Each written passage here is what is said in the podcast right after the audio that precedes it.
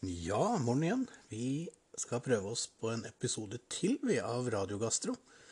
Eh, Denne lille podkasten min. eh, Jeg driver og jobber litt med lyd og teknikk. Jeg har vel egentlig ikke blitt så mye klokere.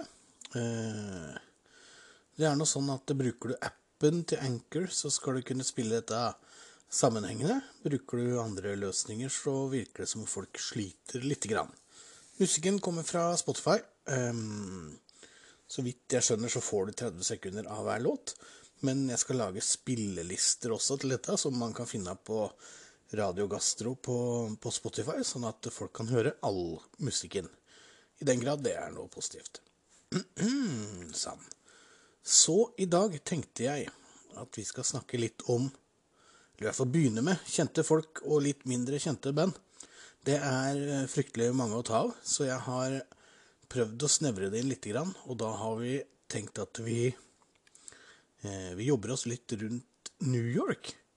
Så denne, denne amerikanske byen da, på østkysten som, eh, som har fostra så mye bra musikk. Og det blir jo rock, da, så klart. Vi avslutta første episode med Ramones, og da kan vi jo ta opp tråden der litt. grann. Jeg er glad i å, litt sånn assosiasjonslek. Eh, Ramones var i starten fire gubber. Eh, Joey Ramone, Johnny, Didi, Tommy Ramone.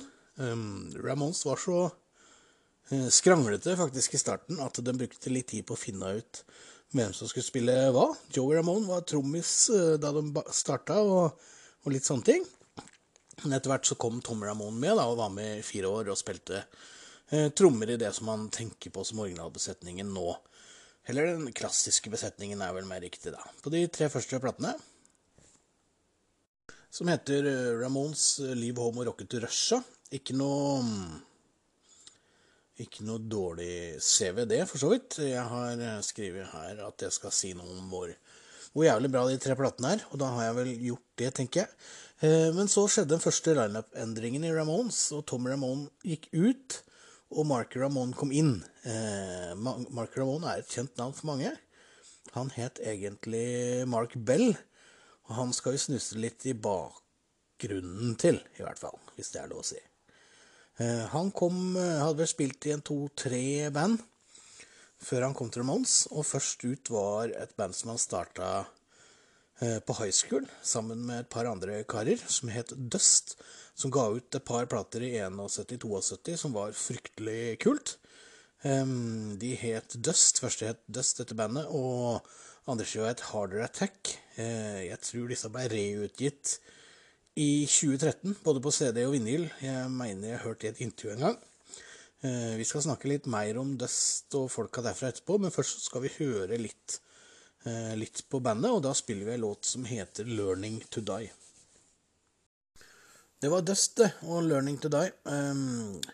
Mark Bell eh, rakk også å gi ut plater med et band som het Estus, som jeg tror ga ut ei plate som het Estus, og The Voidoids, eh, før han eh, ble med i Ramones. Vi kan ta to ord om Voidoids, som egentlig het Richard Hell and The Voidoids. Richard Hell var litt sånn legendarisk punk-type, kom fra band som Neon Boys og Television, som mange har hørt om, men han var ute av TV-bildet før Marky Moon og de andre Television-platene kom. Malcolm McLaren har vel eh, De fleste husker Malcolm McLaren, som var Pistols manager.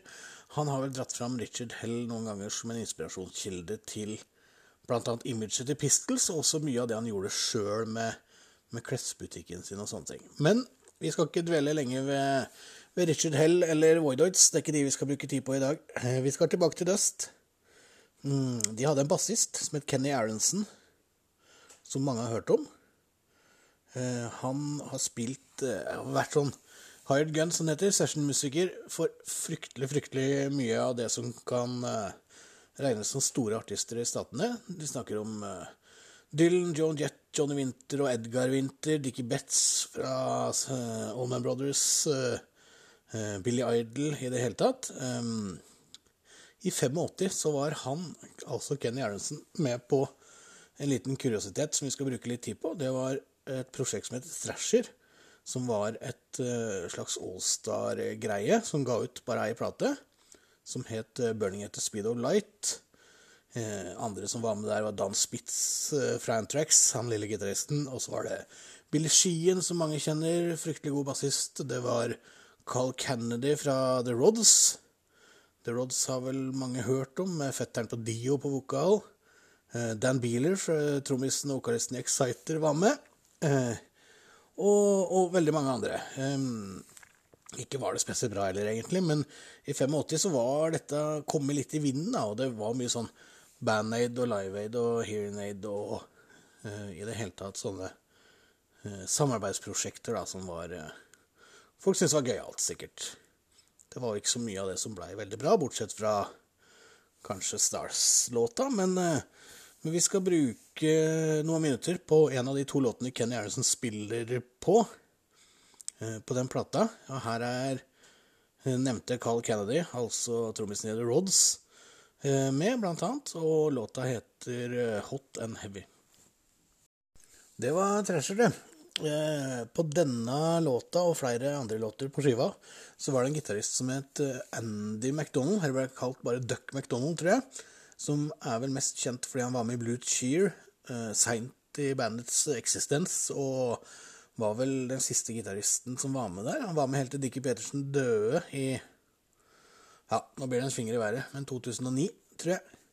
Eh, før det så var også han innom The Rods, og han var i noe som het Bible Black, som hadde en viss suksess. Men i 1980 så var han med i et band som het Shaken Street. Shaken Street var egentlig et fransk band, starta i 75 med en eh, frontfigur som eh, var ei dame som het eh, Fabienne. Eh, hun var fransk, så det var sikkert Fabien Ginet, for alt jeg veit. Men i alle tilfeller, hun hadde sitt Shaken Street. Starta i 75, ga ut Vampires i 8 eller 79, og så reiste de til Statene i 1980 for å spille inn ei skive som het um, Shaken Street, altså samme som bandet. Den ble produsert av Sandy Perlman, mannen som produserte og grunnla bl.a. Blue Oyster Cult. Dette førte til at Shaken Street um, fikk være med på en turné som heter Black and Blue, som mange av dere kjenner til. Som var en slags co-headliner-sak med Sabbath og Blue Oyster Cult. Uh, men i alle tilfeller, vi skal ikke bruke mye tid på å høre på de nå. Vi skal høre på Shaken Street, som var uh, veldig, veldig gøyalt. Uh, jeg vet ikke hva man skal sammenligne med, men en slags blanding av Hvis Anne og Nancy Wilson hadde vært med i Plasmatics i stedet for Wendy og Williams, så hadde det kanskje hørtes eh, så gøyalt ut. Og da tar vi en låt med Shaken Street som heter eh, Generation X. Ja, Shaken Street der med Fabian Shine og Duck McDonald og i det hele tatt. Um, spilt inn i New York. Uh, som vi sa, så starta Shaken Street tidlig, 75. Um, og det var litt artig å kunne ta med de, for det kommer sikkert ikke veldig mange temaer hvor jeg får muligheten til det. Uh, vi går tilbake til, til, New York og Shaken Street uh, da de var der. Fordi uh, da Duck McDonald tok over som gitarist i Shaken Street, så tok han over etter en annen amerikaner fra New York som heter Ross Friedman. Som muligens også var relatert Eh, til Sandy Perlman at han blei med, for Sandy Perlman og Ross Friedman hadde eh, litt historikk.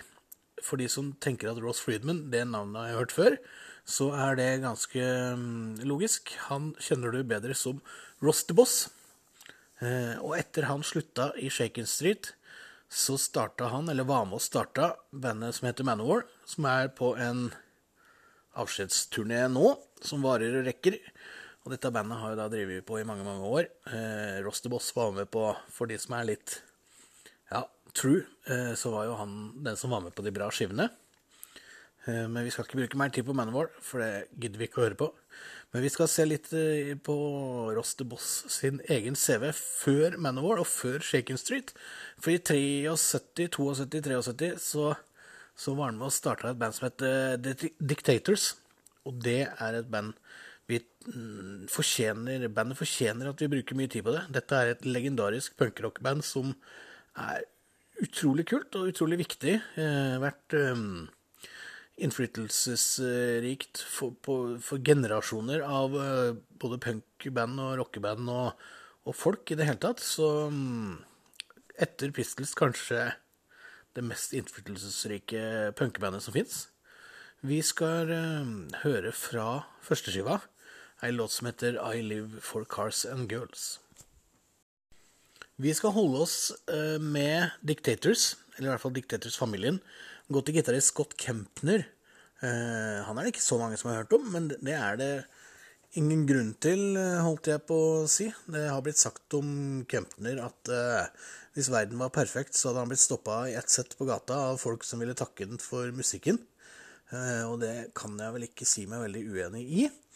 Eh, men han har ikke bare drevet med Dictators, han har drevet med mye annet bra, annet The Dellords, som vi skal komme tilbake til. Og han har gitt ut noen soloskiver, bl.a. blant annet et utrolig bra album fra 92 som heter Tenement Angels, som kan anbefale fra første til siste låt. Men noen av låtene stikker seg ut og er så bra at. Eh, det er to låter som heter Hot Road Angel og Lonesome Train. I min bok, i hvert fall. Og ettersom det er jeg som bestemmer åssen vi gjør dette, så tenker jeg vi hører på begge to. jeg. Ja, to låter med Scott Kempner eh, fra Tenement Angels 92. Vi skal ikke slippe han eh, helt enda. vi skal gå tilbake til Dellords som han starta tidlig på 80-tallet. Ga ut fem plater totalt, så vidt jeg veit. Eh, kanskje flere, men eh, jeg har kontroll på fem i hvert fall. Eh, og som vanlig så er det Eller som vanlig er fælt å si, da, men eh, som ofte så er det i hvert fall det tidlige materialet som stikker seg ut. Første plata er 84, Frontier Days. Um, veldig bra. Daylords var litt sånn countryrock, litt Heartland-prega, rootsbasert greier, og, og, veldig, veldig bra. Men uh, vi skal ta ei låt fra andre skiva, som heter Johnny Comes Marching Home. Og den låta heter St. Jake. The Lords St. Jake. Ja, dere holder ut. Uh, det var The Lords. Da skal vi gi oss med Scott Kempner. Men vi skal ikke gi oss helt med The Lords. Uh, hvis noen har tenkt på å google dette bandet, så er det ikke The Lords, men det er Del, som i bildel, Lords. Eh, I bandet finner vi en gitarist som heter Erik Amble. Erik Roscoe Amble ble han kalt. Som er en som du har hørt har spilt gitar, men eh, du veit ikke nødvendigvis at det er han. Litt samme som Kenny Aronhoff fra Dust, som vi var innom i starten her. Eh, også vært med og spilt med Joan Jett, faktisk, fra 81 eh, men eh, nok om det. Vi har vært innom litt protometal, vi har vært innom litt hardrock og punk og heartland og greier. Da kan vi kan vi runde av her, tenker jeg, med en kar som jeg enda ikke tror jeg har møtt noen som ikke liker. Var det en setning som betydde noe som helst? Uh, for å si det enklere, alle liker Steve Earl. Eric Amble spiller med Steve Earl jevnt og trutt, og annet på Jerusalem-skiva fra 2002. Og vi skal la den skjeggete mannen få siste ord i denne andre runden av Radiogastro, og så håper vi at uh, dette er litt hyggelig. og så skal vi nok få spilt inn litt mer, og da mm, før, før, jeg får masse sinte lesebrev av begge to som hører på, så kan jeg si at jeg veit at Steve Earl ikke er New York-basert, men uh, vi holdt oss innafor så lenge at det må være lov.